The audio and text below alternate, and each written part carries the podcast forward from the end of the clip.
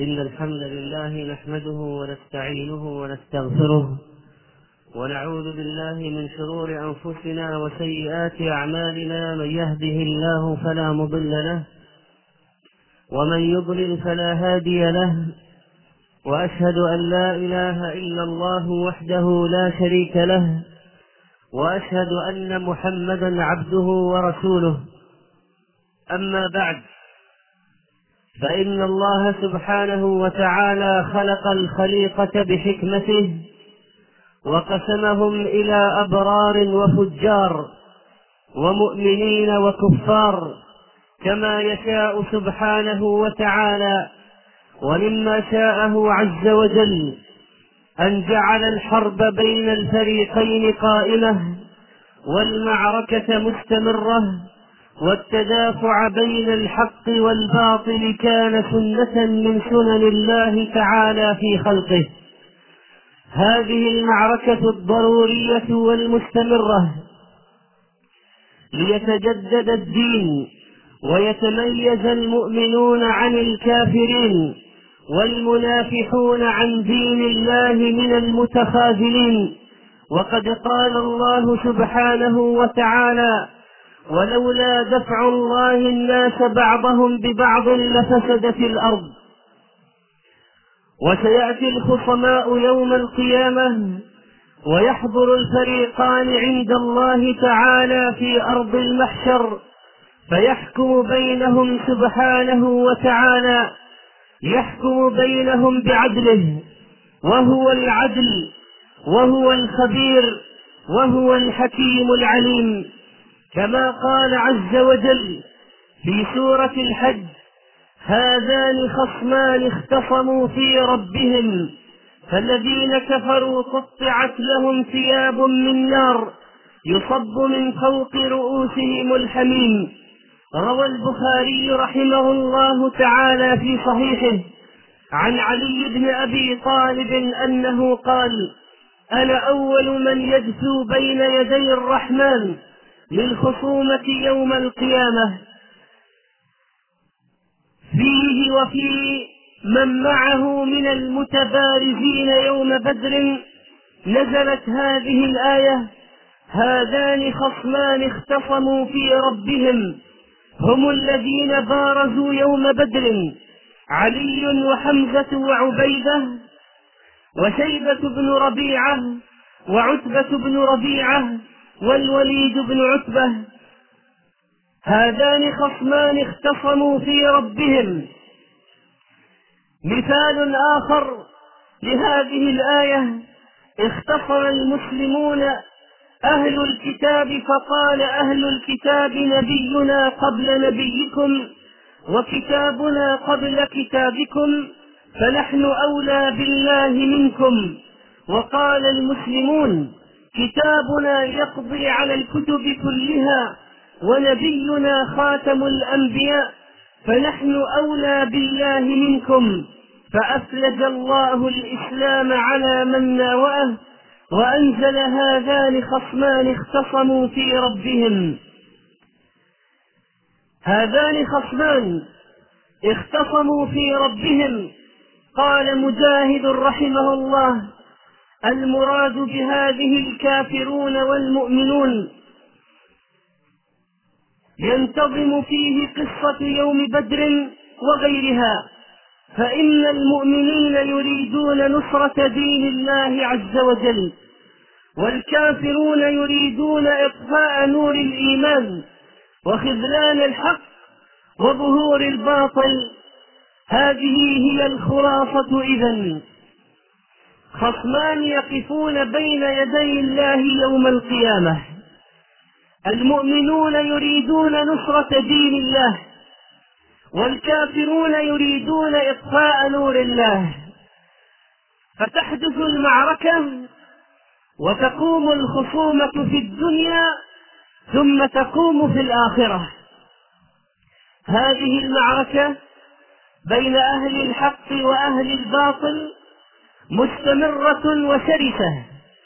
إنها معركة قوية لتباين دين الفريقين وتضاد عقيدتهما. أيها الإخوة إن من ميادين هذه المعركة ما يكون بالسلاح والسنان بين المؤمنين والكفار كما كان في غزوة بدر وفي مقدمتها المبارزة الكبيرة بين ثلاثة المسلمين وثلاثة الكافرين. ومن ميادين هذه المعركة ما يكون بين المؤمنين والملحدين الكافرين من المناظرات والردود وما يقوم به أهل الإسلام من الدفاع عن عقيدتهم ضد الكفرة وما يثيرونها وما يثيرونه حولها. وإن من تفاصيل هذا الميدان بالذات المعركة التي تدور في ميدان الأدب الذي يسمونه أدبا. فيكتب أعداء الله تعالى الروايات التي يسمونها أدبية. والقصص التي يسمونها فنية ويضمنونها سب الله تعالى ونبيه ودينه وإثارة الشكوك في مسلمات دين الإسلام وعقيدة المسلمين والمجاهرة والتصريح بالشتائم في تفاصيل هذا الدين وأحكامه ومقدساته. في هذه القصص والروايات التي يسمونها أدبا أو أدبا حداثيا أو كل ما شئت يقوم سوق الكفر والنفاق والإلحاد في الهجمة على الله ورسوله ودينه. وليس لهذا العمل ليس له مكان معين. فهو ينطلق في أمكنة كثيرة. وقد صار في عصرنا هذا شيئا واضحا. وما اشتهر منه أقل بكثير مما لم يشتهر فأنت تسمع عن روايات كاتب هندي غير رشيد. وتسمع عن روايات كاتبتين ممن تنتسبان إلى الإسلام من الذين ينتسبون إلى الإسلام وتسمع وتسمع وتسمع في مسلسل عفن من الهجمة على دين الله ورسوله. وآخر ذلك هذه الرواية التي صارت لها ضجة. وليست القضية أيها الإخوة الوقوف على رواية كاتب عسل مأفون وإنما المسألة إيضاح أن القضية حرب حقيقية بين أهل الإسلام وأهل الكفر بين أهل الإيمان وأهل الزندقة بين أهل الطهر والعفاف وأهل الانحلال والفجور الذين يريدون أن تشيع الفاحشة في الذين آمنوا. وينبغي أن يكون المسلمون على وعي من حقيقة هذه المعركة وما يدبر للإسلام في مكر الليل والنهار كما قال الله تعالى مكر الليل والنهار المؤامرات على الإسلام وأهله. ثم يقوم من يدافع عن هؤلاء الذين يسبون الله ورسوله ويقومون بعمل الاجتماعات لنصرتهم وتأييد إخوانهم في الغي ثم لا يقصرون. ويقولون إن رد المسلمين على تلك الهجمات انتهاك للحرية واعتداء على المواهب الأدبية. فقالوا مثلا في هذه الرواية المتأخرة في الدفاع عنها ما يلي. ما نسب إلى الرواية من بعض العبارات التي يبدو في الظاهر. لاحظ معي التي يبدو في الظاهر. وما لنا نحن إلا الظاهر. أوليس لنا الظاهر؟ والله يتولى السرائر. ألسنا نحكم على الظاهر؟ هؤلاء يقولون. ما نسب إلى الرواية من بعض العبارات التي يبدو في الظاهر. أنها يمكن أن تمس شعور القارئ غير المدرب. إذا أنا وأنت إذا شعرنا أن الرواية فيها هجوم على الإسلام فنحن قراء غير مدربين. نحن قراء غير مدربين. وأولئك الأدباء الكبار مدربون. ما نسب إلى الرواية من بعض العبارات التي يبدو في الظاهر أنها يمكن أن تمس شعور القارئ. شعور. وليس عقيدة. شعور. القارئ غير المدرب لما يظن. ليس مؤكدا. لكن لما يظن هذا القارئ غير المدرب لما يظن أنه مساس بالدين أو طعن في القرآن؟ أو تعريض بحياة النبي صلى الله عليه وسلم فهو من قبيل سوء فهم الفن الروائي. إذا اعتقدنا أنه هجوم على العقيدة هذا سوء فهم. لأي شيء؟ للفن الروائي وتحريف وتحريف عباراته. وعندما ندافع عن الدين فإننا نقوم بما يقوله هذا أو هذه اللجنة تحريض مقصود وإساءة واضحة لتهييج المشاعر الدينية وهو مخالف لأمانة النقل. وكذلك في معرض الدفاع عن الرواية إن طبيعة الشخصيات التي تتحرك في الرواية على قدر كبير من القلق والتوتر العصبي. ما يجعل أحاديثها أحيانا تبدو مجاوزة للمألوف. فهل تريد أن تعرف يا أخي ما هو المجاوز للمألوف؟ وهل تريد أن تعرف ما هي هذه الروايات التي يمكن أن تفهم من قبل القارئ غير المدرب الغشيم؟ يمكن أن تفهم أن فيها مساس مساس بالمقدسات. هذا الكلام قيل عن الرواية التي ننقل هنا بعضا من نصوصها ونترك الحكم لأهل الإسلام.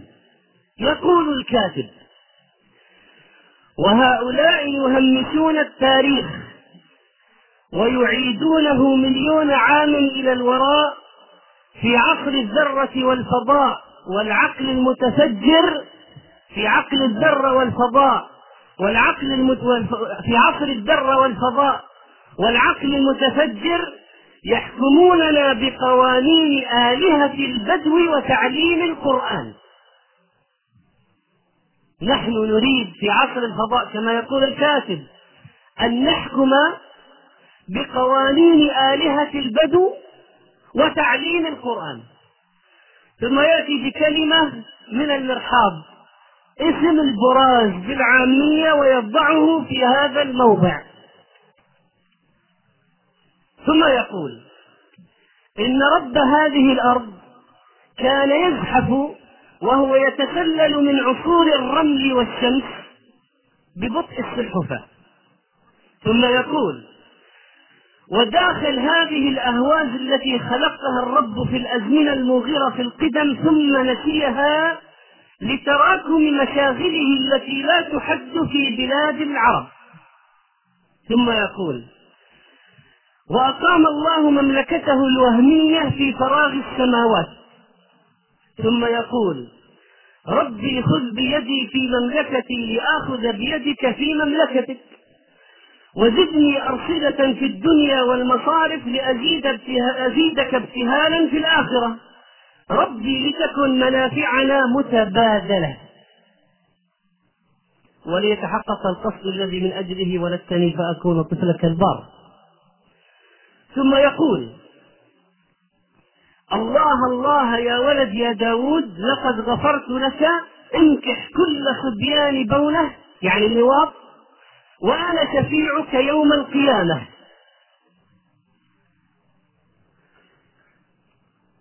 ثم يقول وخلع الجلد المتخلف والبالي الذي خاطه الإسلام فوق جلودنا القديمة. الجلد الفرعوني الجلد السومري الجلد الفينيقي الجلود الأصلية. خلع الجلد المتخلف والبالي الذي خاطه الإسلام فوق جلودنا القديمة. هذا الكلام القارئ غير المتمرس. والقارئ الغشيم يظنه يظنه اعتداء على المقدسات الدينية. وما قدر الله حق قدره والأرض جميعا قبضته يوم القيامة والسماوات مطويات بيمينه سبحانه وتعالى عما يشركون. وما قدر الله حق قدره. والأرض جميعا قبضته يوم القيامة والسماوات مطويات بيمينه. يقول ابن عمر رضي الله تعالى عنه وهو يروي عن النبي صلى الله عليه وسلم يأخذ الله تبارك وتعالى سماواته وأرضيه بيده ويقول أنا الملك ويقبض أصابعه ويبسطها أنا الملك حتى نظرت إلى المنبر يتحرك من أسفل شيء منه حتى أني لأقول أساقط هو برسول الله صلى الله عليه وسلم ما قدر الله حق قدره. قل هو القادر على أن يبعث عليكم عذابا من فوقكم أو من تحت أرجلكم أو يلبسكم شيعا ويذيق بعضكم بأس بعض. انظر كيف نصرف الآيات لعلهم يفقهون. قرأها النبي صلى الله عليه وسلم. عن جابر لما نزلت هذه الآية. قل هو القادر على أن يبعث عليكم عذابا من فوقكم. قال رسول الله صلى الله عليه وسلم أعوذ بوجهك أو من تحت أرجلكم. قال أعوذ بوجهك أو يلبسكم شيعا ويذيق بعضكم بأس بعض. قال رسول الله صلى الله عليه وسلم هذه أهون أو أيسر؟ وقد كان سأل ربه ألا يهلك أمته بالغرق كما أهلك قوم نوح وكما أهلك فرعون وقومه فأعطاه إياها وسأله ألا يهلكهم بالقحط العام فأعطاه إياها وسأله ألا يجعل بأسهم بينهم فلم يعطه ذلك.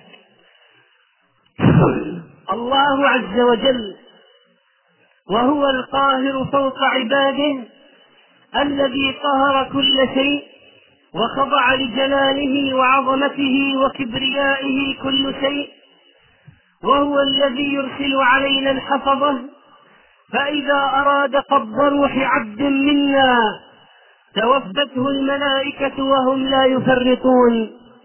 الله عز وجل له الكبرياء في السماوات والأرض. الله عز وجل له ما سكن في الليل والنهار. كل دابة هو آخذ بناصيتها. قهر كل شيء فهو يصرفه ويدبره كيف يشاء. لا إله إلا هو السميع العليم. الله عز وجل عنده مفاتح الغيب لا يعلمها إلا هو ويعلم ما في البر والبحر وما تسقط من ورقة إلا يعلمها ولا حبة في ظلمات الأرض ولا رطب ولا يابس إلا في كتاب مبين. لا يخفى عليه شيء. ولا تخفى عليه خافية. سبحانه وتعالى إن الله فالق الحب والنوى يخرج الحي من الميت ومخرج الميت من الحي. ذلكم الله فأنا تؤفكون. فيخرج البيضة من الدجاجة ويخرج الدجاجة من البيضة. سبحانه وتعالى ويخرج الكافر من المسلم. والمسلم من الكافر عز وجل هو الله الملك القدوس السلام المؤمن المهيمن العزيز الجبار المتكبر. سبحان الله عما يشركون. كل يوم هو في شأن. يدبر أمر الممالك. يأمر وينهى. ويخلق ويرزق. ويحيي ويميت. ويقضي وينفذ. ويعز ويذل. ويقلب الليل والنهار ويداول الأيام بين الناس ويقل ويقوى وسبحانه وتعالى يرسل الرسل. الرسل من الملائكة بين صاعد إليه بالأمر ونازل من عنده به وأوامره متعاقبة على تعاقب الأوقات نافذة بحسب إرادته ومشيئته.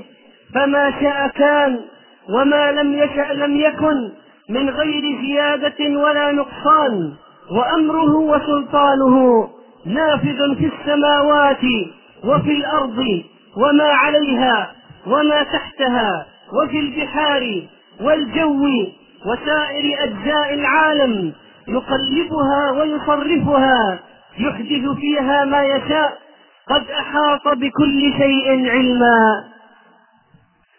وأحصى كل شيء عددا وسع كل شيء رحمة وحكمة ووسع سمعه الأصوات فلا تختلف عليه ولا تشتبه بل يسمع ضجيجها باختلاف لغاتها على اختلاف حاجاتها لا يشغله سمع عن سمع ولا تغلطه كثرة المسائل ولا يتبرم بإلحاح الملحين. لا تغل وكذلك فإنه سبحانه قد أحاط ببصره قد أحاط بصره بجميع المرئيات فيرى دبيب النملة السوداء على الصخرة الصماء في الليلة الظلماء فالغيب عنده شهادة والسر عنده علانية يعلم السر وأخفى من السر له النعمة وله الفضل وله الثناء الحسن بيده الخير وهو على كل شيء قدير. يسأله من في السماوات ومن في الأرض كل يوم هو في شأن. يغفر ذنبا ويفرج هما ويكشف كربا ويجبر كثيرا ويغني فقيرا ويعلم جاهلا ويهدي ضالا ويرشد حيرانا. ويغيث لهفانا ويفك عانيا ويشبع جائعا ويكسو عاريا ويشفي مريضا ويعافي مبتلى ويقبل تائبا ويجزي محسنا وينصر مظلوما ويقسم جبارا ويقيل عثرة ويستر عورة ويؤمن روعة يرفع أقواما ويضع آخرين لا ينام ولا ينبغي له أن ينام. يخفض القسط ويرفعه. يرفع إليه عمل الليل قبل النهار وعمل النهار قبل الليل. حجابه النور. لو كشفه لأحرقت سبحات وجهه. ما انتهى إليه بصره من خلقه. يمينه ملأ. لا تنقصها نفقة. سحاء الليل والنهار. أرأيتم ما أنفق منذ خلق الخلق فإنه لم ينقص مما في يمينه شيء. قلوب العباد ونواصيهم بيده. وأزمة الأمور معقودة بقضائه وقدره. الأرض جميعا قبضته يوم القيامة. والسماوات مطويات بيمينه يقبض سماواته بيده الكريمة والأرض باليد الأخرى ثم يهزهن ثم يقول أنا الملك أنا الملك أنا الذي بدأت الدنيا ولم تكن شيئا وأنا الذي أعيدها كما بدأتها. لا يتعاظمه ذنب أن يغفره. ولا حاجة أن يسألها فيعطيها. لو أن أهل سماواته وأهل أرضه وأول خلقه وآخرهم وإنسهم وجنهم كانوا على أتقى قلب رجل منهم ما زاد ذلك في ملكه شيئا. ولو أول لو أن أول خلقه وآخرهم وإنسهم وجنهم كانوا على أفجر قلب رجل منهم ما نقص ذلك من ملكه شيئا. ولو أن أهل سماواته وأهل أرضه وإنسهم وجنهم وحيهم وميتهم ورطبهم ويابسهم قاموا في صعيد واحد فسألوه فأعطى كل منهم ما سأله. ما نقص ذلك مما عنده مثقال ذرة. ولو أن الأشجار كلها من حين وجدت إلى أن تنقضي أقلام والبحر وراءه سبعة أبحر تمده من بعده أحبار ومداد فكتب بتلك الأقلام وذلك المداد لفنيت الأقلام ونفد المداد ولم تنفد كلمات الحق سبحانه وتعالى. وكيف تفنى كلماته جل جلاله وهو الأول الذي ليس قبله شيء والآخر الذي ليس بعده شيء. تبارك وتعالى أحق من ذكر وأحق من عبد وأحق من حمد وأولى من شكر وأنصر من ابتغي وأرأف من ملك وأجود من سئل وأعفى من قدر وأكرم من قصد.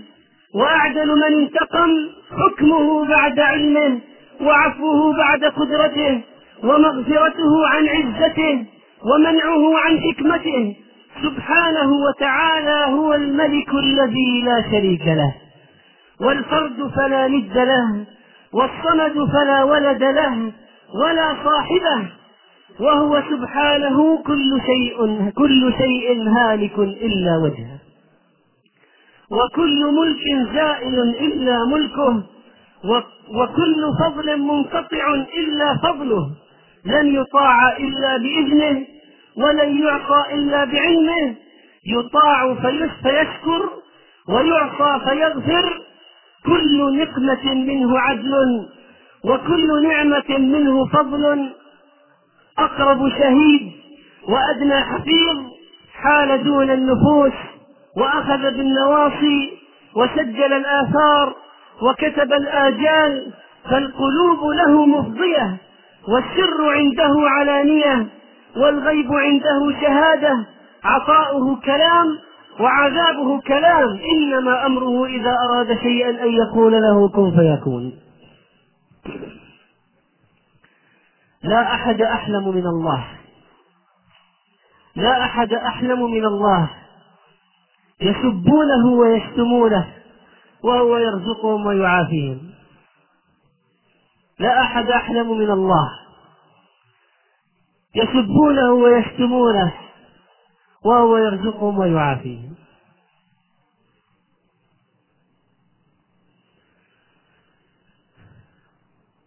وهم يجادلون في الله وهو شديد المحال. أيها المسلمون هذا شيء من حقيقة المعركة التي تدور بين أهل الإسلام وأهل الكفر والزندقة وأهل الانحلال الذين يريدون أن يبثوا كفرهم وانحلالهم في هذه الأدبيات التي يسمونها. في مقالات الجرائد والمجلات والقصص والروايات الفنية كفر وانحلال. هذا شيء من الشيء الكبير الموجود وغيض من فيض. نسأل الله عز وجل أن يرزقنا الغيرة على دينه والقيام بأمره والدفاع عن وحيه. اللهم إنا نسألك أن تخزي الذين خذلوا الدين. اللهم أخزهم وأذلهم واكشف عوراتهم. اللهم اجعلهم نكالا في الدنيا والآخرة. اللهم انتقم منهم. اللهم إنا نسألك أن تنصر من نصر الدين.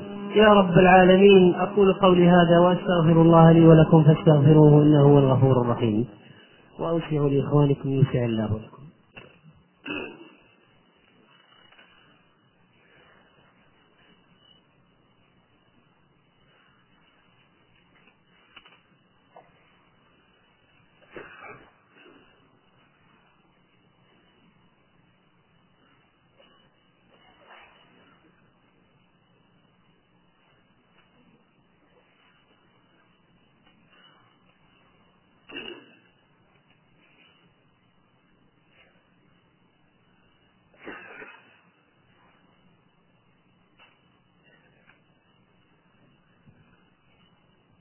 الحمد لله رب العالمين ولا عدوان إلا على الظالمين وأشهد أن لا إله إلا الله الملك الحق المبين وأشهد أن محمدا رسول الله صلى الله عليه وعلى آله وصحبه أجمعين. بلغ الرسالة وأدى الأمانة ونصح الأمة صلى الله عليه وعلى آله وصحبه ومن اتبع هداه إلى يوم الدين. أيها الإخوة يأتينا زمان وراء زمان نسمع فيه أخبار وفيات ممن توفاهم الله عز وجل. يرسل ملائكته يتوفون من يريد من عباده وهم لا يفرطون.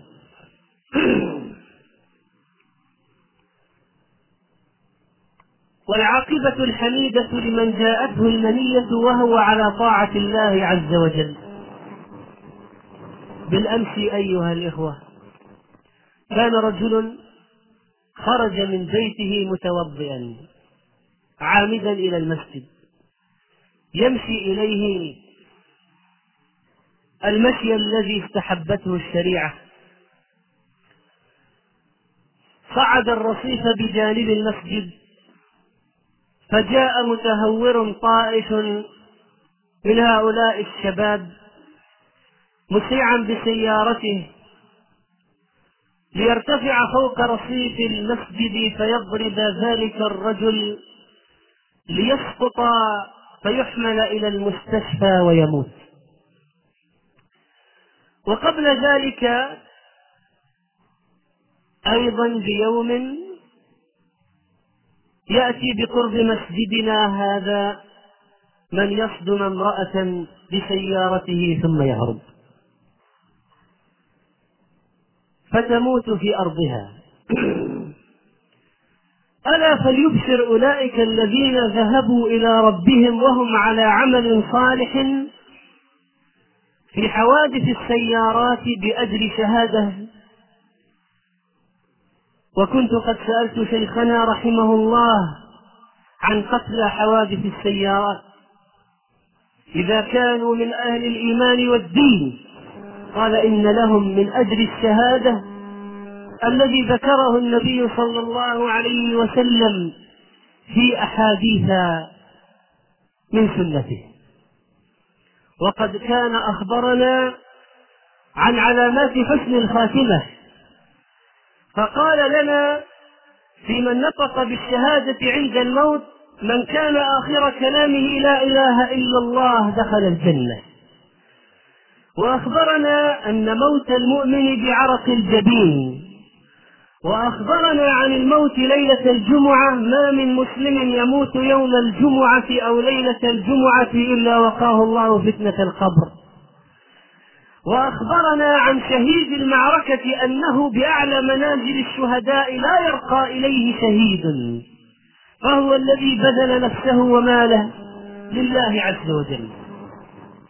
وأخبرنا عن المرضى بالأمراض الخطيرة فقال الطاعون شهادة لكل مسلم. وقال من مات في البطن داء في البطن فهو شهيد. فليبشر إذا من مات من أصحاب السرطانات وهو يؤمن بالله واليوم الآخر. وأخبرنا عن الموت بالغرق والهدم أن صاحبه شديد شهيد. وكذلك الذي يموت محترقا وكذلك المرأة تموت في نفاسها بسبب ولدها. يجرها بسرره يجرها بهذا الحبل السري إلى الجنة. وأخبرنا أن الذي يموت بذات الجنب ورم في الغشاء المستبطن للأضلاع أنه شهيد. وأخبرنا أن الذي يموت بداء السل فهو شهيد. وأخبرنا أن الذي يموت دفاعا عن ماله وعن عرضه وعن أهله وعن نفسه فإنه شهيد. وأخبرنا أن الميت على عمل صالح فهو شهيد. من قال لا إله إلا الله ابتغاء وجه الله ختم له بها دخل الجنة. ومن صام يوما ابتغاء وجه الله ختم له بها دخل الجنة. ومن تصدق بصدقة ابتغاء وجه الله ختم له بها دخل الجنة. اللهم اجعل ميتتنا على طاعتك يا رب العالمين. اللهم اقبض أرواحنا وأنت راض عنا. اللهم اجعل خير أعمالنا آخرها وخير أعمالنا خواتمها يا رب العالمين. اللهم إنا نسألك النصر للإسلام والمسلمين. اللهم انصر من نصر دينك واخذل من خذل دينك اللهم إنا نسألك النصر العاجل لإخواننا في السيشان وهذه بشائر الخير من معاركهم وجهادهم تتوالى تترى. ولله الحمد والمنة وهم ينقلون عملياتهم حتى في خارج حدود السيشان في هذه المكامن التي تقض مضاجع أولئك الكفرة وتغيظ أعداء الإسلام الذين يتمنون موت الجهاد وذهابه. اللهم إنا نسألك أن تعزنا بطاعتك أعزنا بدينك يا رب العالمين. اللهم ارزقنا الأمن والإيمان في بلدنا هذا وسائر بلاد المسلمين. سبحان ربك رب العزة عما يصفون وسلام على المرسلين. والحمد لله رب العالمين. وقوموا إلى صلاتكم يرحمكم الله.